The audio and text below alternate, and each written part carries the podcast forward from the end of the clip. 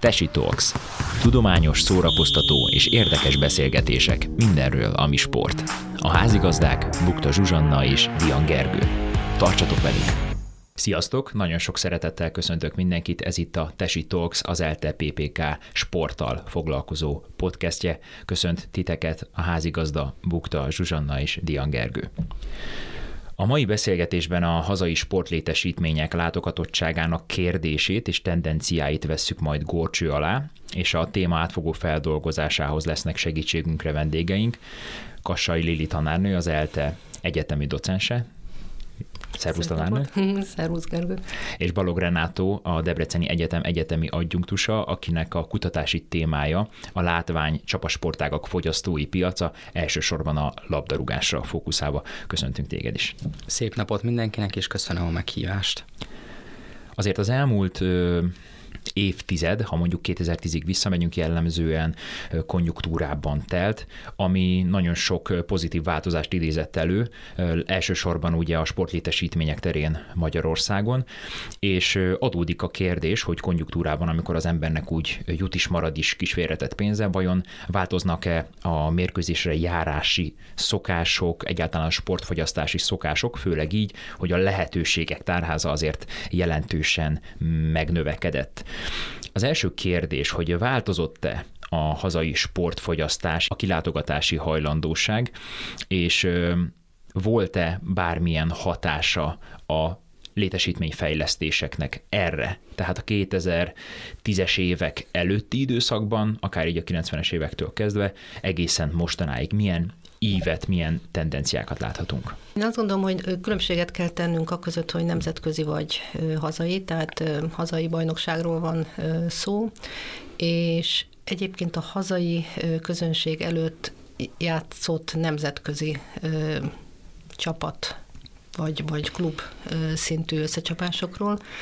Szerintem az, hogy a létesítmények nagyon megújultak, illetve újak is vannak, abban mindenképpen segítséget adnak, hogy akik egyébként járnak, sokkal jobb környezetbe kerülnek, akár többször elmennek, nagyobb kedvük van ott lenni, illetve nem mindegy, hogy kikkel mennek el. Viszont abban, hogy hogy lehet növelni a közönséget, újakat hogy lehet bevonzani, tehát akiknek nagy a távolság a, a sporthoz, adott csapathoz vagy sportákhoz, abban a létesítmény egy lehetőség, de nem ok. Tehát nem azért fognak kimenni, nem az lesz az első, az, az valahol egy természetes elvárás, főleg, hogyha mozival vagy más szórakoztatással kapcsoljuk össze, hogy hol vannak a szereplők. Tehát egy nagy lehetőség azoknak, akik már ott vannak, tehát jó ott lenni, de attól még nem lesz több néző, se egyszer-egyszer, sem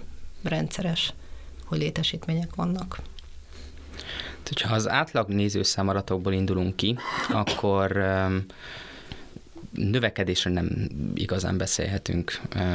Az NB1-es bajnoki mérkőzéseknek az átlagnéző számadata 2011-12-es szezonban 3800 főre volt tehető. 14-től indultak el igazából a komoly létesítményfejlesztések, itt a Grupa Marina, a Nagy Erdei Stadion vagy a Felcsúti Páncsó Arena is akkor került átadásra és az az igazság, hogy ezek a létesítmények, mikor megépültek, akkor az átlag nézőszámadatok azok csökkenő tendenciát mutattak, tehát egészen 2500 fő alá beszakadt a nézettség. Most az elmúlt 3-4 szezonban Covid ide, Covid oda egy növekedés látható, így az átlag nézőszámadokat tekintve, de most is csak 3300 főre tehető az a, az a nézettség, ami az nba bajnoki mérkőzéseket illeti. Tehát még igazából a létesítmény fejlesztés időszakában ni adatokat sem sikerült elérnünk. Tehát amit Lili mondott, az, az való igaz, így van, tehát nemzetközi mérkőzéseken gyakran teltház előtt játszanak a csapatok, de a bajnoki mérkőzésekre valamiért nem járnak ki az emberek. És ez nem csak a labdarúgásban, ez a kézilabdában is megfigyelhető, ha a Győri Etókácének a a, nézettség adatait nézzük, vagy akár a Telekom Veszprémét, akkor azt látjuk, hogy nemzetközi mérkőzésekre kvázi lehetetlen jegyet kapni, de a bajnoki mérkőzéseken konga ürességtől a létesítmény. Ezekbe az átlagszámokba egyébként beleszámít a, a nemzetközi szereplés is, vagy itt a kifejezetten bajnokikat, és hogyha mondjuk a Ferencvárost kiveszed belőle, akkor mennyit esik az átlagnézőszám? Mert ugye azt látjuk, hogy a, a, az egyetlen igazából ilyen értékelhető közönsége az a Fradinak van, és ott van már az, hogy, hogy megy, már egy ekkora stadionban is hangulat van általában, de hogy, hogy, hogy az anélkül mi lenne. Gondolom, hogy ebbe a csökkenésbe egyébként szerepe van annak, hogy igen kis településeknek a sportklubja is ott vannak az élmezőnyben, tehát ez nem segít. Igen, ez egy érdekes tendencia a magyar labdarúgást tekintve, hogy hogy olyan helyeken um, kezdtek el megjelenni egyes um, csapatok, ahol sem a lakosság, sem egyébként a piac uh, ezt nem feltétlenül indokolná. De ami meglepő, hogy ezeken a, ezeken a településeken a létesítmény kihasználtságáratok azok, azok kimagaslóan jók. Hm. Tehát um, Kisvárdát, hogyha vesszük, akkor 70-75 százalék közötti kihasználtsággal ö, mennek a mérkőzések, ami a probléma, hogy 2800 fő befogadására képes. Tehát gyakorlatilag ezek a létesítmények, ha meg is töltjük nézőkkel, kvázi fékezik az átlan nézőszámnak a növekedését, és hogyha a Magyar Labdarúgó Szövetségnek a 2010-es stratégiai dokumentumát veszük alapul, akkor az évtized közepére, 2015-16-ra kellett volna a 6000-es átlan nézőszámadatot elérnünk, a tízes évek végére pedig a 10.000-es átlan nézőszámadatot ezt jelenleg a Ferencváros sem tudja hmm. produkálni. Tehát igazából nagyon nem mindegy, hogy adott bajnokságban, de ez minden csapatsportnál így van, kik vannak jelen. Tehát ugye a Kisvárda így elhangzott, de lehet mondani azokat a kis tele, kisebb ö, településeket, ahol nagyon pici a, a létszám és a vonzáskörzet is, tehát ott megtölteni egy labdarúgásnál 2000, 2000 2500, 3000, 4000 fő azért nem egy hatalmas ö, létszám, de ott megtölteni az kihívás, és összességében, hogyha bajnokságot nézzük, pedig bajnokságban kellene nézni, mert ez egy összjátszma. Tehát minden hétvégén más-más párosításban szerepelnek, tehát innentől kezdve nagyon nem mindegy, hogy ki kivel játszik és hol.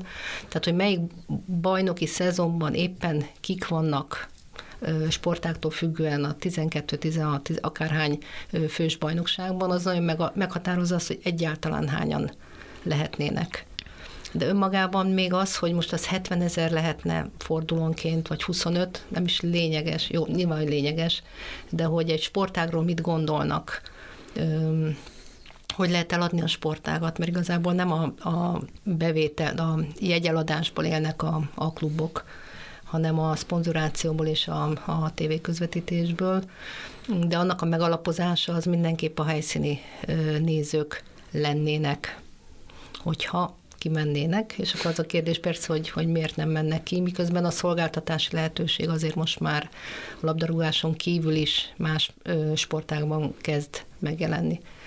A lehetőség csak kérdés, hogy vannak-e ö, szolgáltató munkatársak, annak van-e fedezete, tehát hogy mit csinál a klub ö, hozzá. A, fontos talán azt leszögezni, hogy azért beszélünk elsősorban a fociról, mert nyilvánvalóan ez a leghangsúlyosabb, és minden utána következő sportág, kézilabda, kosárlabda gondolom hasonló tendenciákat mutat, kisebb mértékben, kisebb volumenben. Nagyon érdekes számomra, amit mondtál, hogy, hogy nem volt változás az elmúlt tíz évben, sőt inkább visszaesés a nézőszámok tekintetében, és amit elsőre gondoltam, azt rögtön meg is cáfoltad, azzal, hogy például pont Kisvárda, hogy 75%-os kihasználtságban. Mert én azt gondoltam volna, hogy a több létesítmény, egyfajta túlkínálat, az a kevesebb, vagy az a fix létszám, az jobban megoszlik, ezért kisebb a, a nézőszám. Nekem egy csomó dolog eszembe jut, amikor arról beszélünk, hogy miért csökken valami, és szerintem nem csak a sporton belül kell majd keresgélni, de erre mindjárt kitérünk. Biztos vagyok benne, hogy társadalmi szempontok, egyáltalán Magyarországon kulturális kérdések is beleszámítanak, mert autózunk három, né, néhány órát mondjuk délre, és mondjuk egy Partizán Belgrád kosárlabda mérkőzésen olyan hangulat van, meg olyan atmoszféra, hát beleremeg az épület. De ugyanakkor van ez az intenzív digitalizáció is szerintem, és a COVID erre rátett egy lapáttal, ami befolyásolhatja a nézőszámokat, de mik azok a tényezők, amik befolyásolják szerintetek a nézőszámokat. Itt beszéltünk a szolgáltatás minőségéről, mm, akár, akár az eladhatóságról, egy nem is tudom, szóba jöhet egy csapat eredményessége, akár az, hogy amit a tanárnő is említettél, hogy mennyire sőt még visszaköszön némely óráról, hogy egyáltalán milyen minőségű, a, milyen színvonalú a, a, a küzdelem tehát egy érdektelen Fradi versus nem tudom, sokadrangú csapat nem biztos, hogy annyi nézőt vonz a, a látó, ugye a lelátókra, fejtsük ki ezeket, hogy melyik azok a tényezők, amik befolyásolják a néző számot. Én azt gondolom, hogy az, hogy állandóan arról beszélünk, hogy éppen kihanyadik, meg milyen edző van, meg két évvel ezelőtt mi volt, feljutott, kiesett, az egy olyan ágazatban, ami egy hosszú távú építkezésnek az eredményét tudja eladni. Tehát azt a fajta ö, várakozást, hogy itt valami izgalmas, érdekes, számunkra is ö, fontos dolog lesz, ismerjük, akik ott vannak, tehát hogy van egy beágyazottsága ö, ott léte, azt szerintem hihetetlenül ö, fontos. Tehát az, hogyha egy klubnak van egyfajta identitása, tehát egy, egy, egy építkezése, aminek hétről hétre van egy rövid távú eredménye, de megvan az, hogy a mi kutyánkölyke, vagy pont ellenkezőleg egy külföldi, nem tudom, sztár van itt, most a két végpontot mondom, az, és ez kiszámítható a, a magyar csapat, a légiósok csapata, vagy tehát, hogy van, van egy koncepció, amin az éveken keresztül építkezik, és a hullámvölgyek, sikerek is beleférnek, az, az egyszerűen elkezdi vonzani a, az embereket, mert megismerik, tudják, hogy körülbelül mire számítanak fontos nekik, tehát, hogyha ha csak befelé fordulnak, akkor semmi értelme, tehát nem, nem lehet eladni. Tehát ez egy, ez egy szolgáltatás, ami tapasztalatonkon keresztül ö, épül. És hogyha az megsérül, azért, mert éppen kiderül, hogy kirúgtuk az egyzőt, ebben az évben a harmadikat rúgtuk ki, jövőre más felállás lesz, eddig hazai volt, aztán külföldi, tehát ez, a, ez az össze-vissza ö, gondolkodás, ez, ez nem építi azt a fajta tudom, hogy mire számíthatok, izgalom, érdekes teljesítmény, teljesen mindegy, hogy milyen szintű teljesítmény, mert amikor két azonos szintű játszik egymással, akkor ott megy a küzdelem, aztán majd valaki győz. Ha nagyon nagy a különbség, mert a klubok között nem csak finanszírozás szempontjából, bár az nagyon meghatározó, nem gondolkodásban nagyon nagy különbség van, akkor az, az probléma. Tehát, hogyha mondjuk itt van ez a paksa, a magyar csapat, hétvégén ugye megverte a, a nálánál sokkal esélyesebb és sokkal nagyobb büdzsével rendelkező Ferencvárost, akkor innentől kezdve a paksiak számíthatnak egyfajta állandóságra. Van egy koncepció, megvan az, hogy támadó szellembe játszanak, milyen típusú edzőt választanak. Tehát, hogy van egy irányvonal, amire aztán lehet ö, építkezni. Szerintem ennek nagyon nagy jelentősége van ez a kiszámíthatóság, aztán az majd ö, egy-egy mérkőzésben annak eredményében megjelenik. Bocsánat, mielőtt továbbadnám a szót, szerintem nagyon fontos ez, mert most erről nem beszéltünk még a sportszakmai szempontról, és talán azt mondtad, hogy két véglet. Szerintem ez nem csak két véglet, legalábbis az én felfogásom szerintem ez a két irány, amit, amit választani kellene. És a kettő között van ugye a major sportágból mondják ezt a treadmill mm. csapatot, tehát taposó malom, akik csak ott vannak középen, se nem jók eléggé, hogy valami érdemi eredményt érjenek el, se nem rosszak eléggé, hogy elgondolkodjanak, hogy változtatni kelljen. És az egyik vonal, amikor elég erős vagy, és beleszólhatsz a, a bajnoki cím kilétének a, az eldöntésébe, a másik pedig, hogy nem, de akkor legalább mint tudom, akár a Paksa magyar csapat, vagy az, hogy fiatalokat, akár helyi neverésű fiatalokat, hogy kötődjenek a szurkolók, és lásd az ő fejlődésüket. Szerintem ez a két legit irány. És, és Bocsánat, érdekes... hadd szóljak ide közben egy pillanatra, hogy szerintem a karakter nagyon fontos. Tehát ez egy klub az mit Abszolút. gondol magáról, mit gondol arról, hogy egyébként a közösségnek mit ad, és ez hosszú távon képvisel, és ebben szerintem a, a, hát a kutatásaink alapján, de hát ez még nagyon az elején van, tehát azért mondom, hogy szerintem a klubvezetőknek iszonyú nagy felelőssége van. Lehetősége, felelőssége, hogy, hogy a csapatával együtt milyen irányt szab, mit gondol üzletnek, mit lát a, a, annak a városnak és vonzáskörzetén. Egyáltalán milyen célokat tűz ki, milyen irányban fejlődnek, és ez egy hosszú távú történet, és nem mindegy, hogy milyen tulajdonos áll mögötte, és abban egy nagyon meghatározó szereplő az edző, akit választanak, de hogy állandóan a termékfejlesztéssel, tehát a, a csapat mit fog kiállítani, foglalkozunk évről évre, miközben annak van egy ilyen burka, hogy kik vagyunk mi. Tehát ez, ez a fajta identitás és a karakter, szerintem igazán ez nagyon meghatározó. Egyszerűen abba az irányba megy a cég és ab, ahhoz választja a megfelelő szereplőket, és ezt nem változtatja évről évre. És ilyen értem az a középső, amit említettél, ez a taposomolom, az egy adott városnak egy tök fontos pozíció. Tehát ő az elfogadja azt, hogy nem tud följebb menni sokkal, mert nem tud annyit belefetszölni, de iszonyú büszke arra, hogy mondjuk a sajátjaival érje el ezt a középmezőnyt. Tehát minden szereplőnek meg lehet a maga maga küldetése. Tehát egy 3000-es településen, ugye eleve hivatásos sportot elég nehéz elképzelni, de egy 3000-es településen mekkora büszkeség az, hogy hétről hétre mondjuk a középmezőnyben e, tud lenni egyfajta koncepcióval, mondjuk az 5., 7., 8. évben is az egyetlen szórakozásként adott esetben. Tehát, Legyen hogy, önazonos gyakorlatilag. E, igen, csak hogy mi az önazonos, tehát azt meg kell először határozni, uh-huh. és utána újra meg újra megtalálni azt a szerepet, mert azért abból kiesik az ember örülök ennek az okfejtésnek egyrészt, és a kérdésfelvetésnek is, mert Magyarországon akár a, a közéleti sajtót olvasok, akár tudományos lapokat, én azt gondolom, hogy a 90-es évek végén, 2000-es évek elején megjelent egy, egyfajta ilyen nemzetközi sport közgazdász vonulattól elindulva egy ilyen misztifikáció, ami a sikereket és a, az színvonalat jelenti. És ez ugye abból indul ki, hogy a fogyasztó, néző, az egy racionális ember. Most aki viselkedés közgazdaságtannal foglalkozott, az tudja, hogy ilyen nem létezik, vagy marketinggel. És amit mondtál, hogy, hogy társadalmi okai vannak ennek véleményed szerint, vagy annak is kell, hogy legyen, szerintem nagyon így van. Tehát Debrecen most küzd a nemzetközi kupa indulásért. Jönnek az eredmények folyamatosan. És hogyha megnézzük a Lokinak a közösségi média oldalát, akkor azt látjuk, hogy a szurkolók elkezdenek elégedetlenkedni. És ez hogy lehet? Miért elégedetlenek a szurkolók? Küzdünk a harmadik helyért, talán még a másodikért is. És a szurkolónak ez nem elég. Azért nem elég, mert ilyen ö, mondatok jelennek meg, hogy kezdünk kisfradi lenni. Ami azt jelenti, hogy debreceni fiatalok nem játszanak a csapatba, holott a civisvárosi csapat az erről híres. Hogy a játékosoknak a döntő többsége, mondjuk 6-7 játékos, kezdőben debreceni kötődési. Még az sem elég, hogy magyar, mint Pakson, az nekünk nem elég. Nekünk debreceniek kellenek.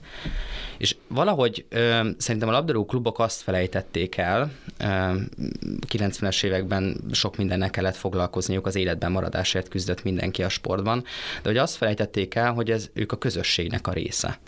És hogyha én debreceniként azt mondom, hogy én büszke civisvárosi vagyok, akkor én büszke lehetek a lokális identitásomra, ami megnyilvánulhat abban, hogy én hétvégén kimegyek egy labdarúgó mérkőzésre, és szurkolok az én csapatomnak.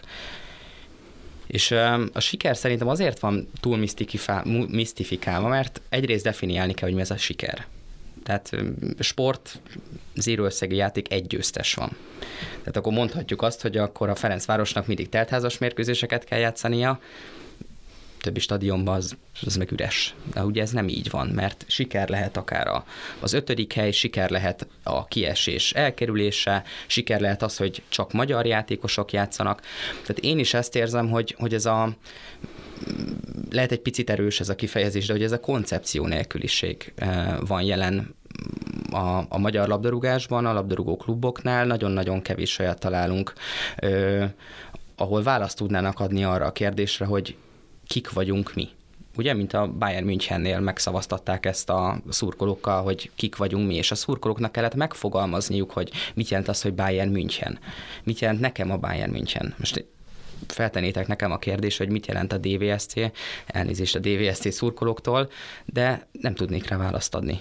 És valószínűleg ők sem tudnának rá választ adni, mert az, amit régen jelentett a DVSC, azt már most nem a sikereket jelentik. Ferencváros mögött most egy picit nehéz élcsapattá válni. Mit jelent az, hogy ö, videóton? Bocsánat, nincs ilyen csapat, hogy videóton. Amit mondtok egyébként, az nekem arra reflektál, hogy, hogy, hogy a, a, ezek a dolgok, tehát egy identitás, meg az, hogy tényleg a közösség része legyen, és ezt látjuk, hogy egyébként ahol, ahol ilyen nagyon jó hangulatú és nagyon jó közösség alakul ki, mint egy Veszprémi kézilabda körül, vagy egy győri női kézilabda körül, vagy, vagy a kosárlabdában egész kisvárosokban is nagyon hangulatosak a, a mérkőzések, hogy, hogy valahogy alulról jött ez az egész történet. Tehát a, a, volt hagyománya az adott sportágnak az adott településen, megcsinálta a maga, a gyerekek játszott, a szülők mentek ki arra, hogy megnézzék a gyerekeiket, ahogy azok felnőnek és belenőnek a, a felnőtt csapatba, és ugye ez a fajta alulról építkezés, meg ugye ebben az utóbbi tíz évek tendenciájában ez meg végképp nincs meg. Tehát ugye egyrészt a globalizáció, meg a játékos vásárlás is ennek ellenében megy, de ellenében megy ugye az a fajta kormányzati, kvázi felülről jövő döntések, hogy egy, egy mezőkövesnek, én most én mezőkövesdi vagyok egyébként, hogy ugye oda lett rakva egy, egy, egy NB1-es csapat és egy stadion, és nem, a, nem, a, nem érzi a város magáénak különösebben. Tehát ott sem olyan rosszak a nézőszámok, de egyébként, hát én hallottam olyanról is, hogy kötelező páholy vásárlás és kötelező részvétel a páholyban, de tehát ez, ez, meg, ez meg micsoda, tehát hogy ezek hogy működik akkor. Tehát, hogy, hogy, hogy ez a fajta alulról jövő dolog, ami ugye a foci kezdetén, meg a, a csapatsportok kezdetén eh, kialakította, hogy melyik város, melyik, melyik sportákhoz kötődik, ez nincs meg most ebben, a, ebben a, az utóbbi évtizedes tendenciában. Ezt a gondolatot vinném annyiban tovább, hogy ez az alulról jövés, ez mindig megjelenik bármelyik ágazat, bármelyik termékszolgáltatás viszonylatában. Tehát, hogyha ha fontos az, hogy amit te csinálsz, az valakinek lényeges legyen, odafigyeljen, menjen, akkor abban a pillanatban az úgy elkezd megteremtődni. Tehát a sport, és ráadásul a hivatásos sport, a verseny az, az nem igényli azt a plusz marketingelést, nem igényli azt a plusz figyelmet, tehát az természetes adottságaiban nagyon sok minden lehetőséget megnyit, de akkor, hogyha a klubok, és ez az összes csapatsportágra a hivatásos szinten ö, érvényes, különböző szinten, de alapvetően érvényes, nem abból élnek, hogy oda kell figyelniük arra, akiknek bemutat a nézőkből. És ö, nem az a, a teljesítmény, üzleti teljesítménynek az egyik fokmérője, hogy, mennyire vonzod oda a közönségedet, még akkor is, ha nem belőle élsz.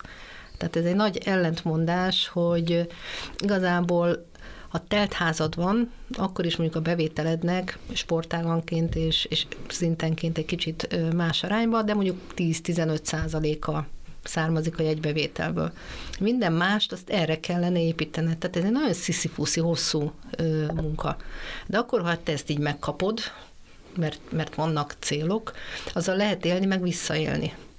És hogyha ha mindig rövid távra, és, és a, az eredményesség, tehát a bajnoki szezonnak az éppen aktuális fordulóbeli eredményessége, rövid távra céloz, akkor ezt a fajta közönség bevonzást, ami hosszú táv, és annak a megtartása, tehát ott, ott a klubba, klubba fontos. Nem egy játékos önmagában, az bele helyezkedik egy klub történetbe. Nem az edző önmagában, hanem bele helyezkedik egy ö, történetbe. Tehát mindaddig, ami a finanszírozás, az nincs valamilyen módon összekapcsolva a a nézőkkel, mint annó volt a színházak esetében, hogy akkor kaptak is olyan mértékben taót, ahogy a nézők így megjelentek. Nagyon nehéz azt feltételezni, hogy ez a fajta építkezés és odafigyelés, hogy, hogy mi, mi kell nekik, és az odafigyelés az nem a kiszolgálásban, hanem a következetességben nyilvánul meg. Tehát abban, hogy eldöntjük, hogy mondta Debrecenben, tényleg volt időről időre volt, hogy hazajátékosok, és nem is akárkik, és nem egy, nem kettő, hanem csapatok különböző korszakokban. De az elvileg egy ilyen klubnál nem, nem hullámozhatna. És azt kérik számon az emberek, hogy nekik mi közük van hozzá? Miért jó nekik az, hogyha ilyen-olyan finanszírozásból kimegy nem tudom hány játékos attól függ, milyen sportág van, és akkor ott nyernek. Tök jó nekik játszani és akkor én miért megyek ki? Tehát, hogy, hogy ez a fajta kapcsolódás, az a klubnak a nyitását ö, várja, de az meg nem marketing akciókban jön, mert ez mind érzés. Tehát, ahogy Renáta mondta, ez, ez racionalitáson túlmegy. Lehet racionalizálni, meg szakmailag kell is. De, de ha nem tudsz mire szakmázni idézőjelben, eszközöket használni, ha nincsenek meg ezek a kis kapcsolatok, hogy odafigyelek, oda, oda akarok menni, nem akarom kihagyni, közön van hozzá. Ott van a szomszédomnak a gyereke, most megy először, nem tudom, a cserepadra és reszket a lába, vagy bármi. Ha, ha nincs így közel hozzá, mert nincs felépítve, vagy nincs beépítve, vagy megjön, megjelenik az a kérdés, hogy az edzők ugye rövid távra vannak rászorítva, és a válogatási szempontjuk nem a klubnak a hosszú távú érde, építkezését szolgálja. Tehát alapvetően a klubnak kéne nagyon tudatosan gondolkodni abban, hogy mikor pillanatokat kell megnyerni, mikor építkezik, és ez a kettő milyen viszonyban egymással, és abban pedig a nézőnek, még ha nem is közvetlenül benne élnek, iszonyú nagy szerepe van. És nem azért, hogy gyerek és fizes, hanem hogy figyelj oda. És ezek az érzelmi vonulatok nagyon identi. Hát azt, azt szeretjük, aki, aki valamilyen, nem? Tehát ha megmutatja magát, és, és közünk van hozzá. Tehát ez máshogy szerintem nem nagyon. De visszatérünk a, ahhoz a kérdéshez, hogy szakma, illetve ugye már az utóbbi jó pár adásban előjött ez a, ez a fogalom, hogy ökoszisztéma. Szóval hogy ez a sport egy ökoszisztéma, ahol nehéz kicsit meghatározni, hogy honnan, hova irányulnak a dolgok, de én azt hiszem, hogy itt valamit lehet azért. Szóval itt a szakmából indul az egész. És tök érdekes, hogy a, az edzői minőségben, tevékenységben nem véletlen az, hogy írunk edzéstervet, tehát az adott edzésre, ami az adott napra egy alkalomra vonatkozik, írunk adott esetben mikrociklusra, mezociklusra, makrociklusra, és tehát a makrociklusok adott esetben egy, akár egy évet is felül lehet, tehát egy szezont. És mondjuk egy szakvezetőnek pedig akár több évet kell mondjuk két-három éves távlatban kell gondolkodni. És ö, itt szerintem hiányzik tudatosság a szakmai szempontból, nem csak a, ha már az edzői ö, területről beszéltünk ott is, de a sportvezetésnél is. A másik nagyon fontos szerintem ö, tényező, hogy nem lehet a sportot föntről ráoktrojálni egy nemzetre. Nagyon-nagyon, ahogy így beszélgetetek, így rögtön beugrott egy példa, oroszlány kosárlabda. Oroszlány a, nem is tudom, a 20. században, a második felében egy, egy fanatikus város volt. És volt egy leszálló águk, kiestek az NB1-ből, nem is nagyon volt, még csak másodosztályú csapatuk sem. MB2-ben voltak. Most a pontos időpontot nem tudom, mikor indult el a folyamat, de a lényeg, hogy visszadolgozták magukat, feljutottak először MB1B-be, majd feljutottak MB1A-ba, azóta ott vannak, és mivel megvolt az alapja, a kulturális alapja ennek a, ennek a szurkolói hagyománynak, nem is tudom, annak, hogy kosárlabda meccsre járunk, az, hogy, hogy a oroszlány, az kosárlabda is, de legalábbis biztosan. Azóta ott vannak. Debrecen kiestek az NB1-ből néhány éve, volt egy-két próbálkozásuk másodosztályba, jó, jó pár éve estek ki, de volt néhány próbálkozásuk, feljutások különböző edzőkkel, filozófiákkal, aztán végül is húztak egyet, feljutottak, azóta ott vannak, és jó helyezés, tehát nem, nem a kiesés fenyegeti őket. Megint csak miért? Mert volt kultúrája, meg volt a, meg volt a hagyomány. És akkor menjünk végig a budapesti csapatokon, ugye nem olyan régen volt itt nálunk pont a Honvéd vezetőedzője, de a Vasas is feljutott, volt a TF Budapestnek is egy kalandozása az első osztályban, és most a Honvéd. És mindegyik kiesett az első év után, azt hiszem, de lehet, hogy legfeljebb két évet bírtak, ebben nem vagyok biztos most. Most tehát, kosárlabdát mond. Kos, abszolút kosárlabda, igen. Tehát az látszik, hogy azokon a helyeken, ahol megvan a kultúrája, megvan a hagyománya annak, hogy sportot fogyasztunk, most nagyon leegyszerűsítve. De fontos tényező, hogy nem csak sportot fogyasztunk, hanem kötődünk valamihez. Mert Budapesten, hát mennyi, mennyi lehetőség van sportot fogyasztani ha felcsapod egy hétvégén, de bármelyik sportákba, ide megyek, oda megyek, foci, vízilabda, bármi. És a bőség zavara van, meg szerintem Budapest egyébként kicsit ilyen úri város ilyen szempontból, nem nagyon vannak tele a lelátók, főleg nem első osztályú mérkőzéseken. Míg Debrecenben azért voltam néhány meccsen, Oroszlányban is azért az egy picit más légkör. Szóval megint csak ez a túlkínálat, de, de ami szerintem nagyon fontos, hogy, hogy meg akarjuk spórolni a munkát. Meg akarjuk spórolni azt az időt, ami szükséges ahhoz, hogy organikusan alulról felépüljön valami. És amit mondtál azzal kapcsolatban, hogy, hogy ugye a TAO beönlött az egészbe, az nagyon szuper, mert, mert szükség volt rá. De, de azok a csapatok tudtak igazán profitálni belőle, mondjuk női vonalon Sopron, kosárlabdában, azért Euróligát nyerni az nem akármi, akik ezt a lehetőséget nem úgy ö, kezdték el elszórni, mint hogyha nem lenne holnap, hanem oké, okay, most van, de fontos kiépíteni. Tehát a, a felvetésem az, hogy nem lehet, hogy egy teljesen más irányból kellene megközelíteni ezt az egészet. Nem is feltétlenül, lehet, hogy a sportpolitikánál vagy a politikánál kell kezdeni, de hogy hogy a szakemberképzés, az edzőképzés, és oda le, alulra, hogy menjenek ki a gyerekek meccsére a szülők, hogy az, aki nem annyira tehetséges, és nem lesz benne az A csapatban, az ne hújjon ki a sportákból, mert azokból lesz majd a játékvezető, a szurkoló, a sportoló szülő, a sportfogyasztó. És nekem ez a veszőparipám sokszor foglalkozok vele, de, de nem ti láttok összefüggést, vagy nyugodtan cáfoljatok meg, hogyha nem ezt gondoljátok megoldásnak, de én azt gondolom, hogy erre kellene fókuszálni. Láttok bármilyen olyan irányú kezdeményezést, ami, ami, ami azt mutatja, hogy igen, felfogtuk, hogy, hogy itt, itt a probléma. Tehát, hogy, hogy nem fölülről kell építkezni, hanem egyszerűen alulról, az utánpótlásba, és nem feltétlenül csak a versenysportba, hanem, hanem a szabadidősportot is bevonva. Ugye elsősorban látványsportágakról beszélünk, mert ott értelmezhető szerintem egyáltalán a, a szurkolói kultúra. Egy kicsit megint összetettre sikerült el. Szerintem ez nehéz kérdés. Rengetegen abba hagyják a sportot akadémiákon nevelkednek a gyerekek, szerintem sportáktól függetlenül a labdarúgásra látok rá. Egyrészt nem nagyon kapnak lehetőséget, ugye 18-19 éves kor, amikor kijönnek az akadémiára, hogyha két játékos sikerül az NB1, NB2-be valahogy beilleszteni, akkor, akkor már örül szerintem az adott szezonban a, az akadémia vezetője. És hogy ugye az a kérdés, hogy mi lesz ezekkel a gyerekekkel ez a jó kérdés, mert szerintem ahogy én az egyetemen látom, sokan jönnek hozzánk volt sportolók, sportszervező vagy rekreációszervező szakra, és ilyen negatív attitűddel beszélnek a sportról, hogy hát fölteszem mindig azt a kérdést, hogy sportmarketing óra ki jár mondjuk labdarúgó mérkőzésre, és akkor ilyen félve teszik föl a kezüket páron, tehát mondjuk egy 50 fős évfolyamból kettő-három aminek szoktam örülni, hogy vannak köztük hölgyek is.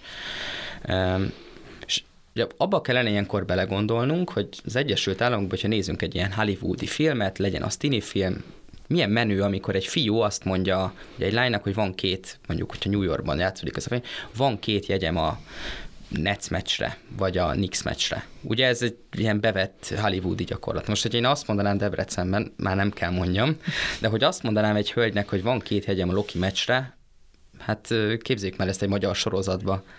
Tehát ugye nevet mindenki ezen a dolgon. És én az, azt gondolom, hogy, hogy csak az utánpótlásra építeni, az még mindig kevés. Az még mindig kevés. Um, egy picit visszatérnék az előző gondolatra itt a finanszírozást tekintve. Ha hiszitek, ha nem, az állami intézkedéseknek a, a, a szerepe az negatív volt. Létesítményfejlesztés ide vagy oda rengetegen vannak olyanok, akik azért nem járnak kézilabda mérkőzésre, kosárlabda mérkőzésre, labdarúgó mérkőzésre, mert az állami investíció azt úgy érzik, hogy túl sok volt és ez visszatartja őket. A másik lehetőség pedig ugye, ami már előkerült, ez a szab, más szabadidős program. Itt én azt gondolom Budapesten ugye, nagyon nehéz helyzetben vannak a csapatok, lokális beágyazottságról inkább ti tudtok beszélni, de én nem nagyon látok ilyet. A Ferencvárosnak nemzeti identitása van, abszolút, tehát ő a nemzet csapata, ezt így kisajátította magának, és ezt vallják is továbbra is, és aki nemzeti érzelmű, az kvázi rögtön Fradi szurkoló lesz, de hogy mm, nem tudom, nincs olyan, hogy angyalföldi vagyok.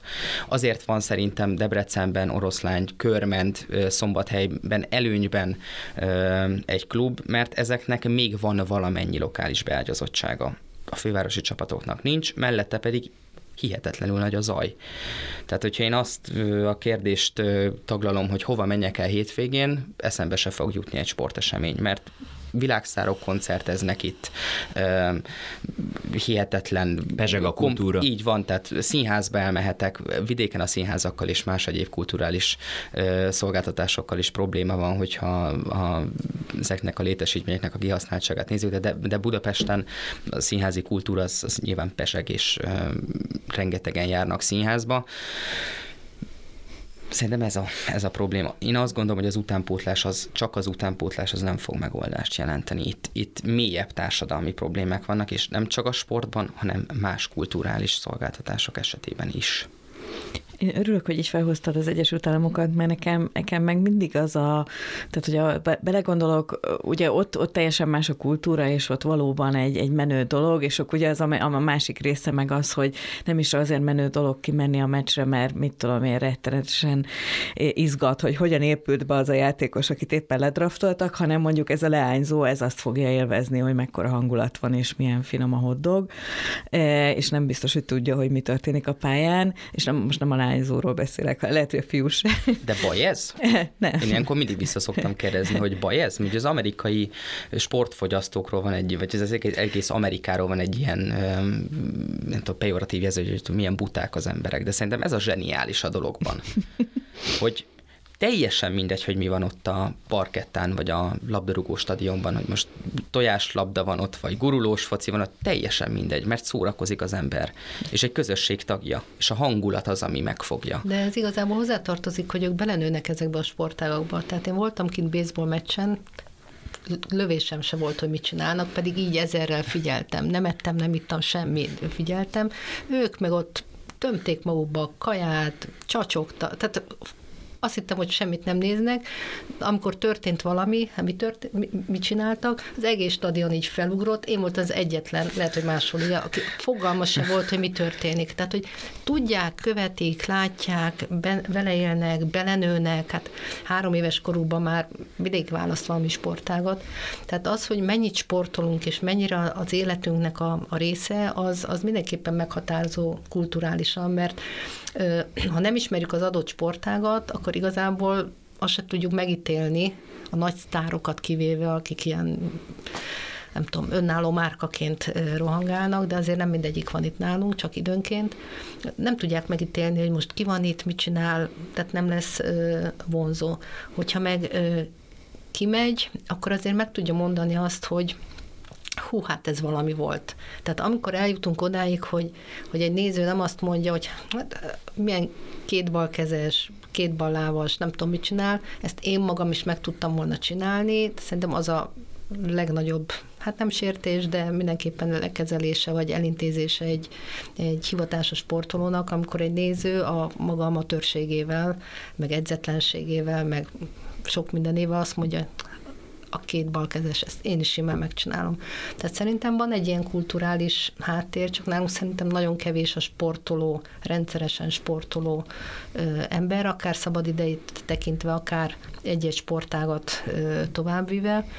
És én is egyetértek azzal, hogy a, a, az utánpótlás az iszonyú fontos lenne, ha kicsit többről szólna, mint a taónak a kezeléséről, illetve hogyha az a fajta csalódottság, hogy nem épülnek be az emberek, nem tudják, hogy éppen ők odavalók, vagy nem odavalók, és ha nem odavalók, attól ők még sportolhatnának. Tehát azért van nálunk egy ilyesfajta elkülönülés, hogy csak a, a, az élsportnak a, a csúcsára jutók esélye az, ami, ami működik, mindenki más az így félre van téve, pedig ha nincsen széles kör, aki ezt csinálja, 18-20-21 néhány éves koráig, abból utána nehézen lesz néző.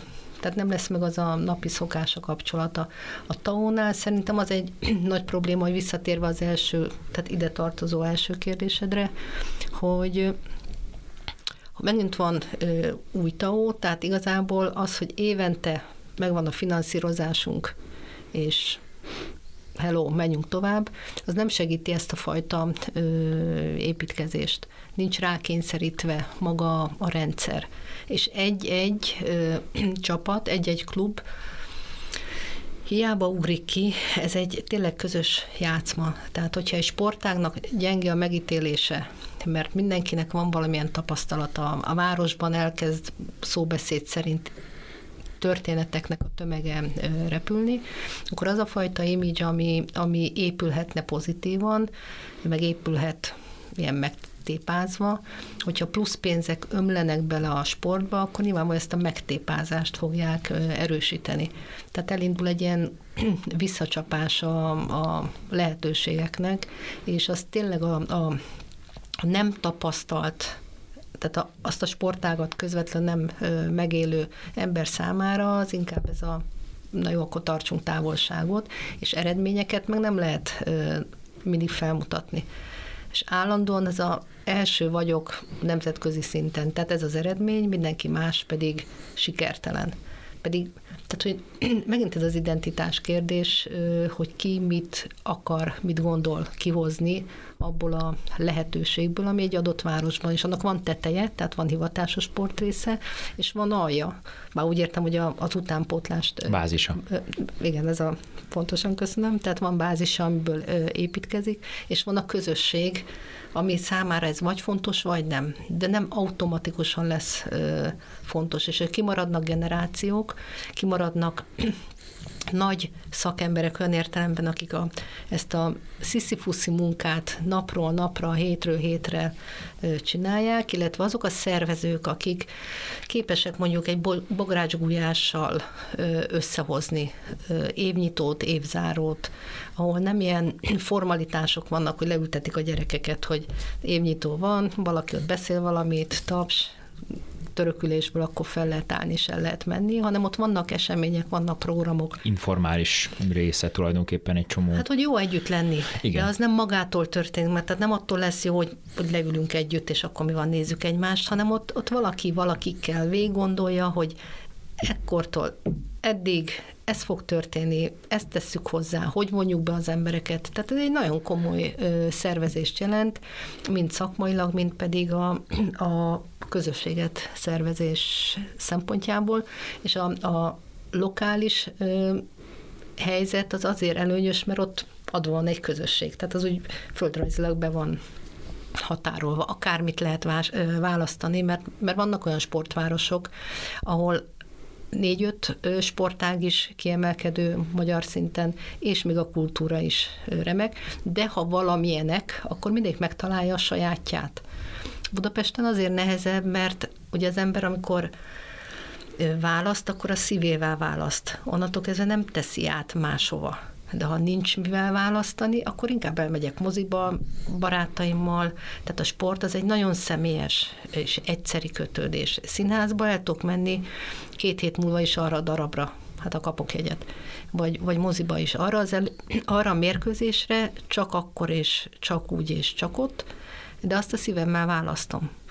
De a szíve az embernek akkor van, hogyha odafigyelnek rá, ha fontos, amit ő mond, ha van ö, tapasztalata, hogyha bízhat benne. Tehát ezek nagyon ö, vagy ha megkapta azt a pozitív impulzus gyerekkorában, mert amikor mondtad a, az Egyesült Államok beli példát, azért ne felejtsük el, hogy ott is az utánpótlás az, ami megadja az alapot, csak ott ugye az iskolai, az oktatási rendszeren belül. És ugye nálunk másképp zajlik a, a sportnevelés, de azért elő kell venni szerintem legalább egy mondat erejéig, hogy mennyire hát nem magas színvonalon történik az iskolai testnevelés, sem uh-huh. szakmai szempontból, sem ilyen kulturális alapozás szintjén. Ezt tovább lehetne vinni, nem hiszem, hogy most érdemes belemenni, hogy vajon miért, mert kik tartják most a testi órákat javarészt, vagy legalábbis, hogy mondjam, hogy mennyire kevés vagy hiány van abból az igazán jó testnevelőből, aki akár a saját kiállásával, vagy, vagy lelkesedésével képes bevonzani gyerekeket, és hát nem mellesleg, hogyha valaki kimegy, és azt mondja, hogy ezt én is meg tudom csinálni. Nyilván azért mondja, mert valószínűleg legutoljára a grundon rugott, nem tudom, a, a nem tudom, tizenhány évesen, vagy most nem akarok elővenni senkit, de hogy, hogy egyszerűen nincs meg az a reális képe magáról, hogy ő mit ért el, nagyjából mi az, amit tud. Mert szerintem nagyon fontos vagy legalábbis én fontosnak tartom azt a szempontot, hogy tud magadhoz mérni nagyjából, hogy jó, hát én mit tudom, én rúgtam életemben kettő gólt, és hogyha valaki mondjuk 32-t rúg, mert az én bajnokságomban én 1050 voltam a ranglistán, valaki megrúg 32-t, hát az, az, az teljesítmény. Az teljesítmény. Egy nagyon fontos dolog szerintem, amiről beszélni kell, és sokszor előjött, és nem tudok, nem kaptam még rá igazán jó választ, azon túl, hogy persze más kultúra, de hogy amit látunk jó példákat az Egyesült Államokból, tudjuk, hogy teljesen más üzleti rendszer, tudjuk, hogy más az emberek kultúrája, de, de sémák, szerintem működőképes sémák, azok jól körvonalazhatóan látszanak. Miért nem tudunk átvenni olyan dolgokat, amik, amikkel erőlébb lehetünk? És csak egy példát, hogy mondjak, a közösségi finanszírozás. Patreon, a YouTube-nak is van más számos ilyen lehetősége, vagy bármelyik más, mondhatnék más mindenféle platformot. Én azt gondoltam, amikor ezek megjelentek, hogy Magyarországon esélytelen. Tehát az emberek, a magyarok nem szívesen adnak ilyen kis, kis pénzeket még. És azt látom, hogy nem egy, nem kettő olyan szervezet, vagy, vagy nem is tudom, kezdeményezés van, egyébként podcastek is, YouTube csatornák, egészen számomra szűk célpontot meg célzók is, vagy szűk réteget megcélzók is, akik, ha nem is teljes megélhetés, de fent tudják magukat tartani ebből. Tehát ez egy nyugatról átvett modell, és működik. És ez csak egy, egy jó példa. De hogy, hogy miért nem tudunk átvenni, vagy miért nem veszünk át, vagy miért nem működőképesek, amit esetleg átveszünk nyugatról. Tehát csomagolva meg ilyen kacifántosan feltéve a kérdés, miért nem lehet jobban um, piacosítani, és most nem csak a jegybevételekre gondolok, hanem, hanem úgy akármilyen más területen a magyar látványsportokat, vagy egyáltalán a sportokat. Én bocsánat, hogyha még beleszólok, mert az előbb a Egyesült Államokról arra próbáltam mm, kiukadni, hogy amire persze nem tudom, hogy, hogy milyen megoldás van, de hogy, hogy, hogyha megnézzük azért Magyarország, az mit tudom én, egy fél Texas, vagy valami ilyesmi, tehát hogy ugye a piac mérete az rettentően más, és nekem mindig az az érzésem, mert ugye rengeteget foglalkozom én is, minden évben számtalan szakdolgozom, próbál elemezni egy-egy sportágat, hogy mit tudom én, a kiemelt támogatások mit okoztak benne, és állandóan az az érzésem, hogy, hogy egyszerűen túl sok sportágat akarunk Magyarországon fejleszteni egyszerre, ami, ami egyszerűen nem, nincs annyi ember, nincs annyi gyerek, vagy egyszerűen tényleg a, a, a nem, nem tudunk annyi, annyi mindenkit, és, és, és szurkoló sincs annyi. Tehát egy városban is, én azt gondolom, hogy egy Debrecen méretű városban mondjuk maximum, ha három csapatot, tehát mondjuk a foci meg esetleg két csapat sporták, de szerintem az a maximum, tehát egyszerűen nincs, nincs több, többre, tehát többnél nem lehetne fölépíteni ezeket a dolgokat, dolgokat, amikről beszéltünk, és persze nem is, ugye főleg a kisebb városok nem is próbálkoznak, de például megint, ha mezőköves példáját hozom, hogy amikor ott a focit felhozták az NB1-es szintre, akkor sikerült kinyírni azt a kézilabdát, ami egyébként, egyébként a városnak a sajátja volt, mert az valahogy abból nőtt ki a hagyományokból, meg mindenből, és azt sikerült letaszítani az első osztályban, mert egyszerűen nem maradt rá se figyelem, se pénz, se közönség, és, és hogy, hogy, hogy, hogy mi túl sokat akarunk, nem, nem sok nálunk ez a rengeteg sportág, vagy az, hogy mindet akarjuk fejleszteni, és nincs prioritás? Nekem biztos, hogy így van, csak ki fogja meghozni azt a döntést, hogy melyiket. Igen. Például, amikor már vannak, igen, akkor megvágni igen. sokkal nehezebb. Igen. Mint... Tehát, hogy az lett volna, tehát szerintem er, ettől már e, ez a, ez a helyzet, ez már elkésett. Tehát ez ott az, az elején, igen, tehát az elején kellett volna azt megfogni, hogy amely csapatnak van beágyazottsága az adott településen vagy vonzás közvetében, azt megtámogatjuk. Most itt a támogatásnak a, a célja is kérdéses, hogy egy első osztályú csapatnak a működését meg kell támogatnunk, vagy nem, itt a piacosításra gondolva. Én azt gondolom, hogy egy első osztályú labdarúgó csapatnak vagy kézirabda csapatnak, vagy kosárda csapatnak a működtetése az nem állami és önkormányzati feladat. Az utánpótlás az nagyon fontos dolog, a szabadidősport nagyon fontos dolog, a lehetőségét meg kell teremteni, de ezeknek a labdarúgó kluboknak főleg 13 év bőkezűség után lassan, de saját lábukra kellene, hogy álljon. A probléma az, hogyha az UEFA kimutatásokat nézzük, akkor körülbelül a kétharmada a bevételeiknek az nem üzleti típusú. És akkor megkérdezem egy Ferencváros szurkoltól, hogy mit szól hozzá, hogyha innentől kezdve a konferencia liga első csoportköréből búcsúzik rögtön a csapat. Tehát ez is nagyon-nagyon-nagyon nehéz kérdés, mert ugye azokat az idegen légiósokat, akik hozzák az eredményeket, megfizetni már nem biztos, hogy meg fognak tudni.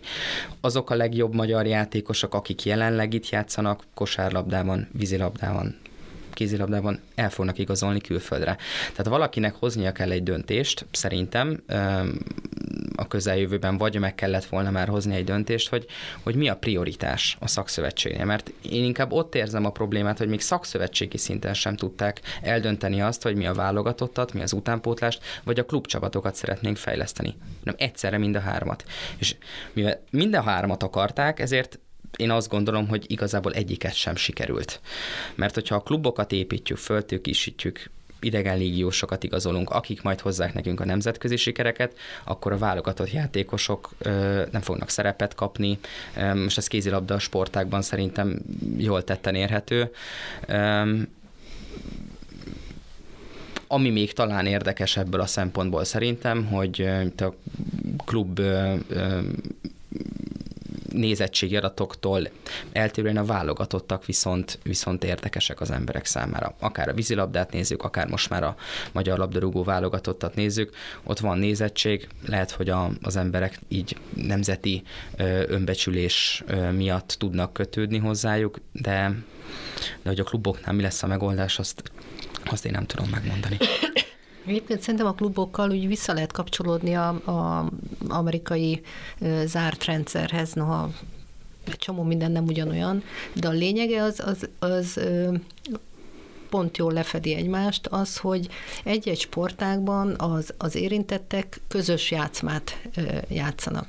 Tehát az nem egy-egy klub tud szárnyalni önmagától, mert nem tud üzletet csinálni, hogyha egyébként akivel ő játszik hétről hétre, az olyan gyenge hozzá képest, mert ő nem tudom, minden onnan finanszírozást kap, van egy arab sejk, van egy állam, van bárki, holdról kap pénzt, hogy egyszerűen nem érdekli akkor az embereket. Tehát alapvetően egy-egy sportág, mint a Renátó Szövetség és annak a képviselete, de azon belül mondjuk egy, egy liga, hogyha a hivatásosokat vesszük, kell tudjon megfogalmazni prioritásokat, szerepeket, miután ők nem egymás ellen harcolnak a, az üzleti életben. Ugye mindig más-más városban van, tehát a, hogy ugyanazokat a dolgokat átveszik, használják, alkalmaznák, egyeztetik, ettől csak erősebbek lesznek.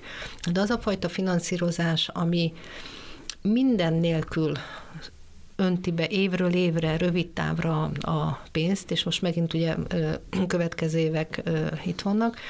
Nagyon keveseket kényszerít arra a fajta munkára, ami nem a, a pályán lévő munka.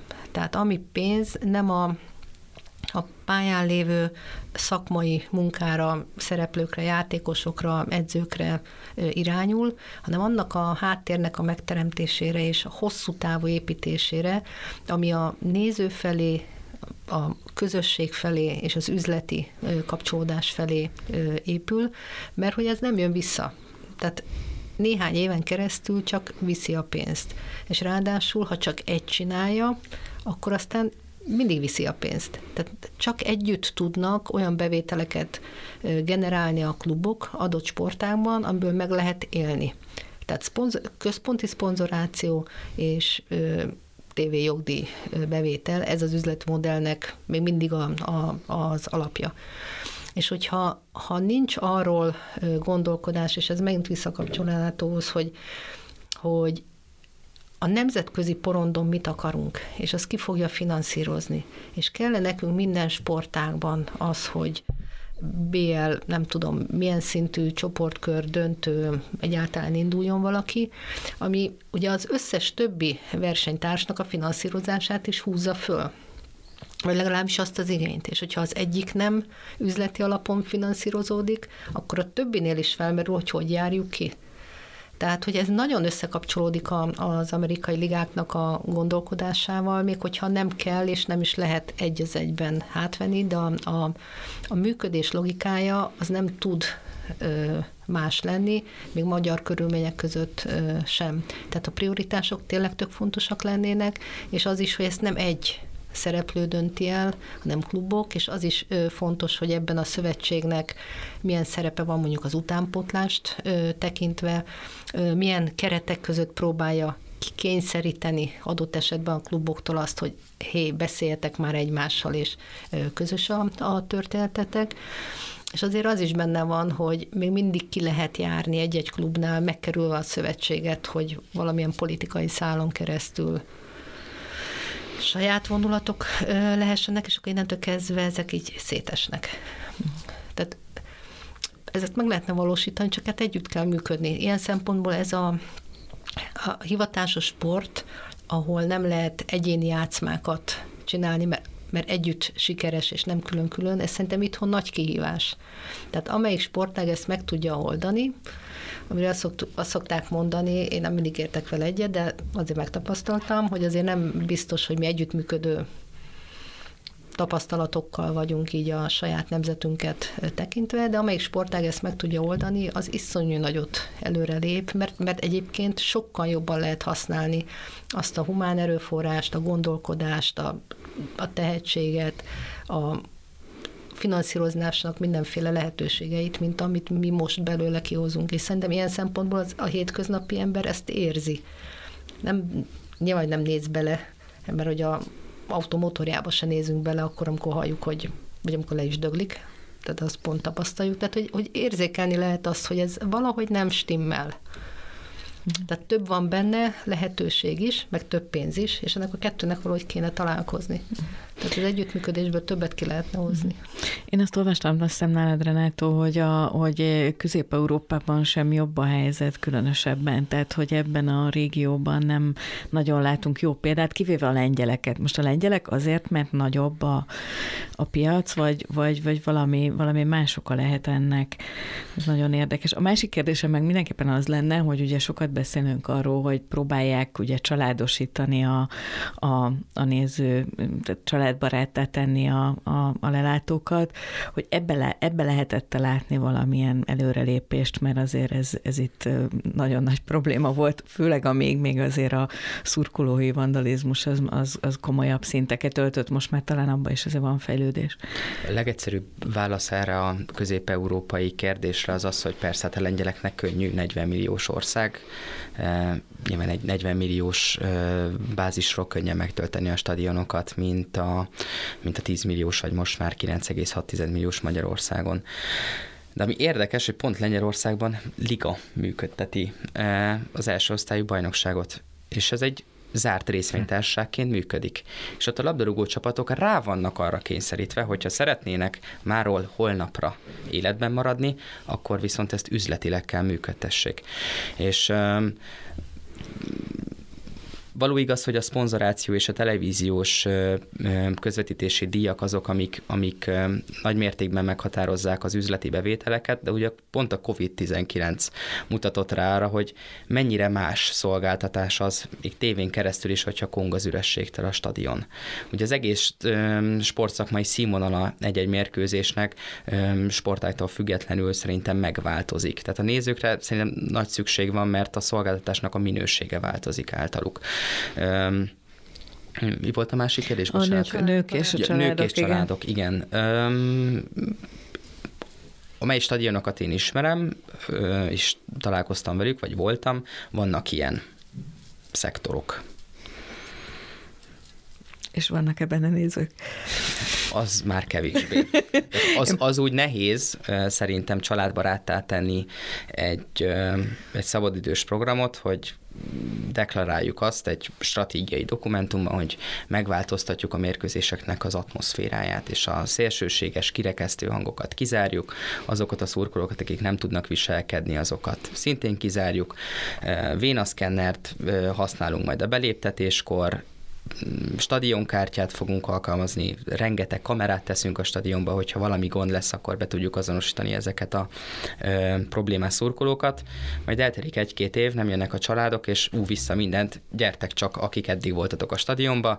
Büntetgetjük a klubokat, de hogy igazából egy ilyen hallgatólagos megegyezés van szerintem a szereplők között, és így azért nehéz. Tehát, tüneti kezelés, megint csak tüneti kezelés. Igen. Nem, nem úgy fog a család meg, a, meg az anyuka kimenni a meccsre apukával, hogy egyik pillanatról a másikra, hanem ideális esetben ez elkezdődik valahol, amikor gondolom a gyerek is bevonódik, és lesz valami motivációja. Igen, viszont, hogyha gyermekkorban nem megy ki, ugye, akkor, sem akkor nem fog kimenni.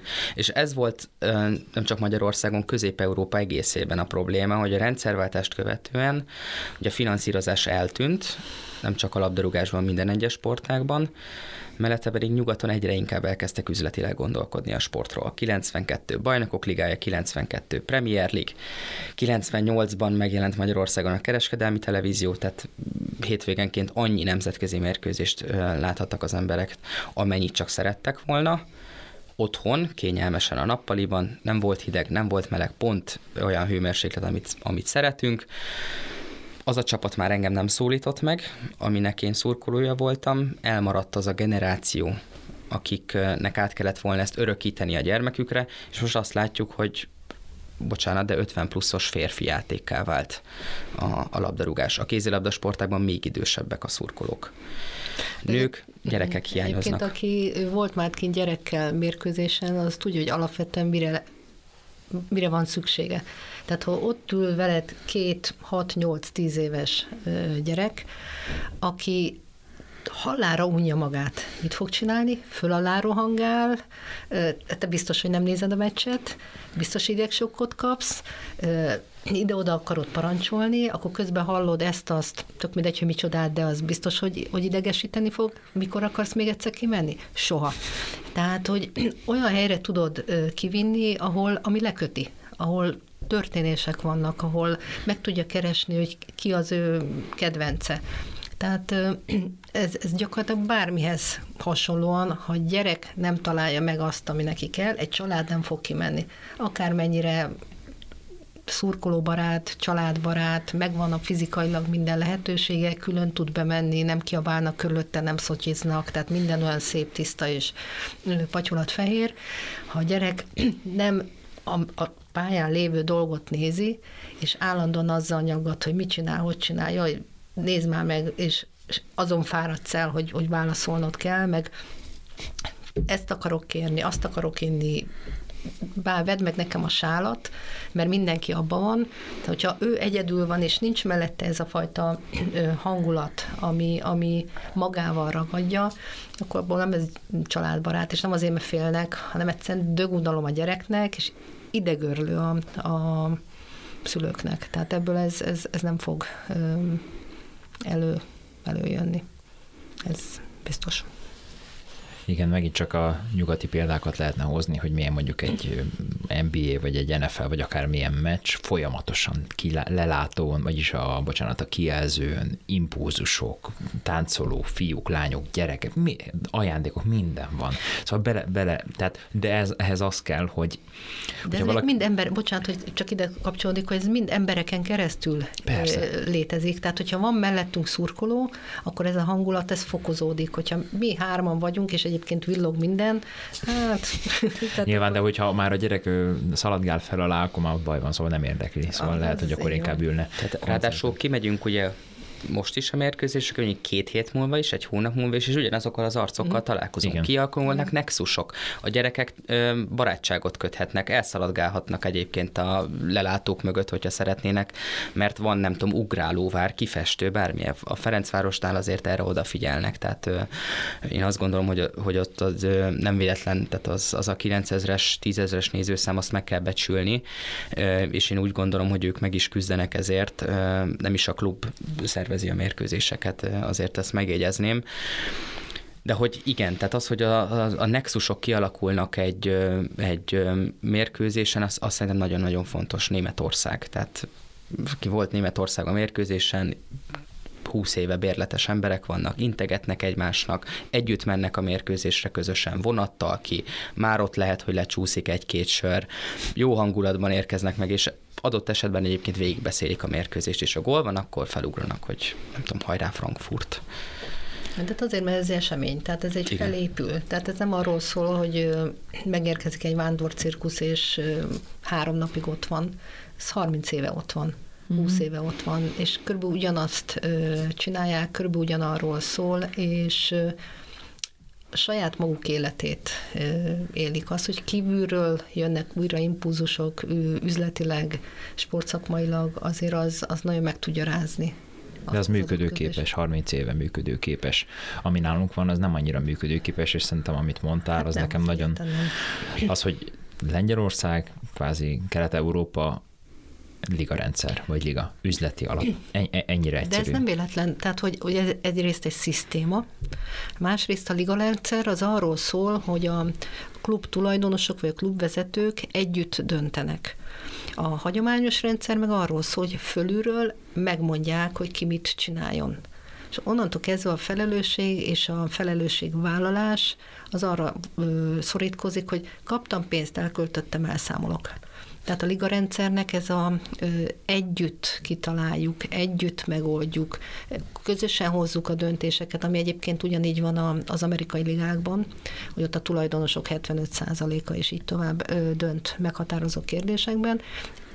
Tehát rendszer szintű nem egy-egy dönti el, hanem az a szisztéma, amit választanak értékekkel, prioritással és működtetőkkel. Tehát ilyen értelemben ennek a ligának nagyon nagy jelentősége van mindenhol. Még akkor is, ha van ki, kiesés feljutás, mert beleépül abba éppen aktuálisan lévő 20 csapatba, 16-ba, akármennyibe. Éppen ezért egy kicsi lehangoló ez a, ez a tulajdonképpen végszó, mert ez jelen pillanatban számomra eléggé utopisztikusnak Szerintem ez tűnik. döntés kérdése. Igen, Szerintem ebben semmi lehangoló nincs, el kell dönteni. Ez kétségtelen, csak a realitása az szerintem egyszerűen amiatt, mert egy olyan sikerkommunikáció van legalábbis itthon évek óta, de szerintem úgy egyébként is a, a, a közösségi médiában van egy tendencia, hogy a siker a a, az elfogadható, hogy a, a sikert kommunikálni.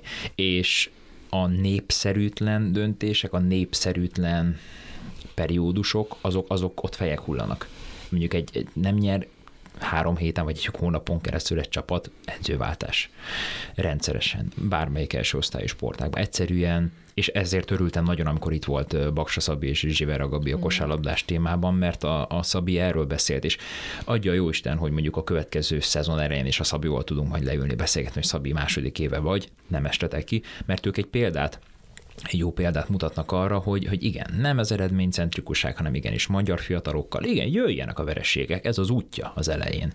Szóval, hogy, hogy nem azt mondom, hogy lehetetlen, csak jelen pillanatban egyszerűen túl sok minden mutat az ellenkező irányba, mint sem, hogy ez meg tudjon valósulni. Igen. Belátható de, belül. Hogy mondjam, adottságok vannak, és csak az a kérdés, hogy az, amikor kezd el érni egy adott sportág.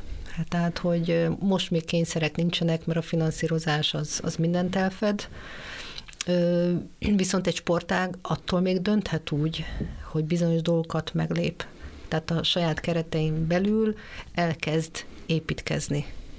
Tehát azt senki nem tiltja meg neki. Aztán majd, hogy milyen falakba ütközik, milyen webplafonba, az egy következő történet. Szerintem megvannak a, a nem is a példák, de, de összerakható tehát a csapatsportok azok arról szólnak, hogy együtt.